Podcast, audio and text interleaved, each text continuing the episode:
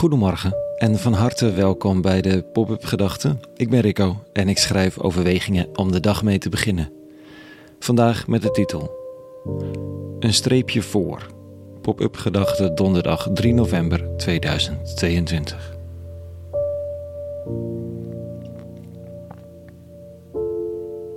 Een streepje voor. De uitdrukking is waarschijnlijk ontleend aan een of ander spel waarbij je streepjes moet verzamelen. Ja, logisch. Ehm, goed, je komt dan één streepje voor te staan. Toegepast op mensen die net iets beter voorgesorteerd staan in het leven. Of iets hogere waardering krijgen automatisch dan een ander. Er zijn nogal wat manieren waarop je een streepje voor kunt hebben op de rest. Dat je slimmer of grappiger bent, dat je uit een hecht gezin komt, dat je er leuk uitziet, dat je sterker bent, dat je jong bent, dat je fysiek fit bent, dat je wit bent, dat je ouders gestudeerd hebben, dat je geld hebt, dat je man bent, maakt in een hoop dingen ook alles een stuk makkelijker, et cetera. Joris Luijendijk had het niet over streepjes, maar over vinkjes en telde er zomaar zeven die je op een fikse voorsprong kunnen zetten, waarvan bij de meeste geldt dat je er niets voor hebt gedaan. Van de opleiding van je ouders tot je kleur, tot het land waar, het, waar de wieg van je ouders heeft gestaan, je seksuele voorkeur. Ben je hetero, heb je ook alweer een vinkje te pakken en ga zo maar door. Vandaag in de lezing zet Paulus zijn vinkjes bij het grof vuil. Hij heeft de vinkjes, de streepjes, de voorsprong, van alles om trots op te zijn, of in elk geval om zich te onderscheiden van anderen als iemand van statuur in zijn tijd. Paulus' versie van Luijendijks voorsprong klinkt zo. Ik ben besneden op de achtste dag van Israëls geslacht van de stam Benjamin, een geboren en getogen Hebreeër, op het stuk van de Torah een fariseer, wat ijver aangaat een vervolger van de kerk, in wettische heiligheid volmaakt. Hm. Hiermee kon je aankomen in de samenleving anno toen. Een man die op waardering kon rekenen, die met open armen ontvangen zou worden in de burelen van de macht, naar wie men zou luisteren en voor wie een baan geen probleem zou zijn. Zeven vinkjes. Anno toen. En dan schrijft hij: Maar wat winst voor mij was, ben ik om Christus gaan beschouwen als verlies. Als schade, schrijven andere vertalers. Als een probleem dus, als een last, als iets ingewikkelds.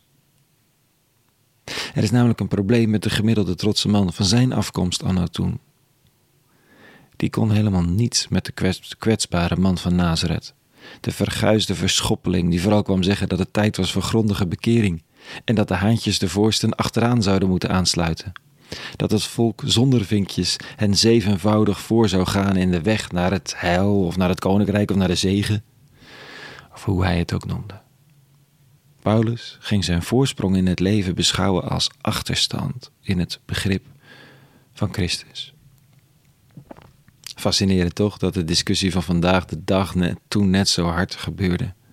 Dat nu soms de witte man zich bedreigd voelt door de teneur in de samenleving waarin zijn positie als oneerlijke voorsprong wordt gezien. Terwijl, zo zegt deze man, hij toch niets aan kan doen. Hij heus geen racist is. Hij hartstikke vrouwvriendelijk en objectief tegenover iedereen, echt heus iedereen, in het leven staat.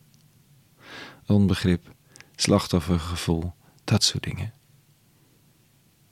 Ja, je voorsprong in het leven, je voorgesorteerd staan om makkelijker gehoord te worden dan een ander, om minder gediscrimineerd te worden dan een ander, om net iets gemakkelijker gewaardeerd te worden door een ander, kan je opeens op achterstand zetten.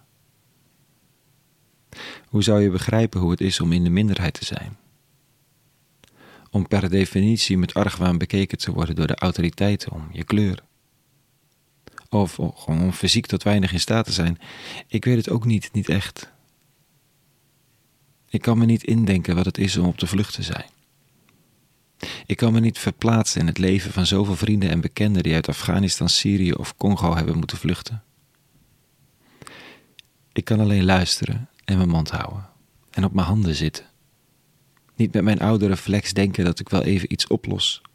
Niet weer een laat mij maar even. Mijn reflex die voortkomt uit een voorsprong in het leven, vanwege ouders, paspoort of wat dan ook, die hindert me in het werkelijk luisteren.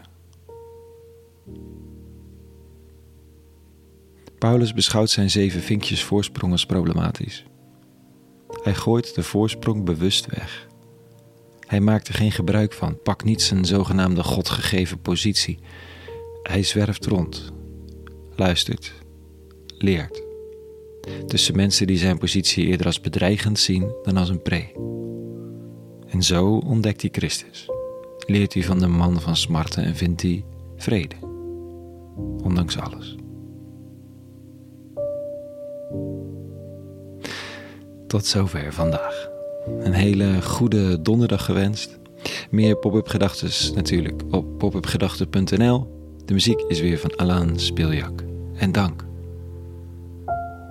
Rest mij niets dan hartelijk vrede en alle goeds.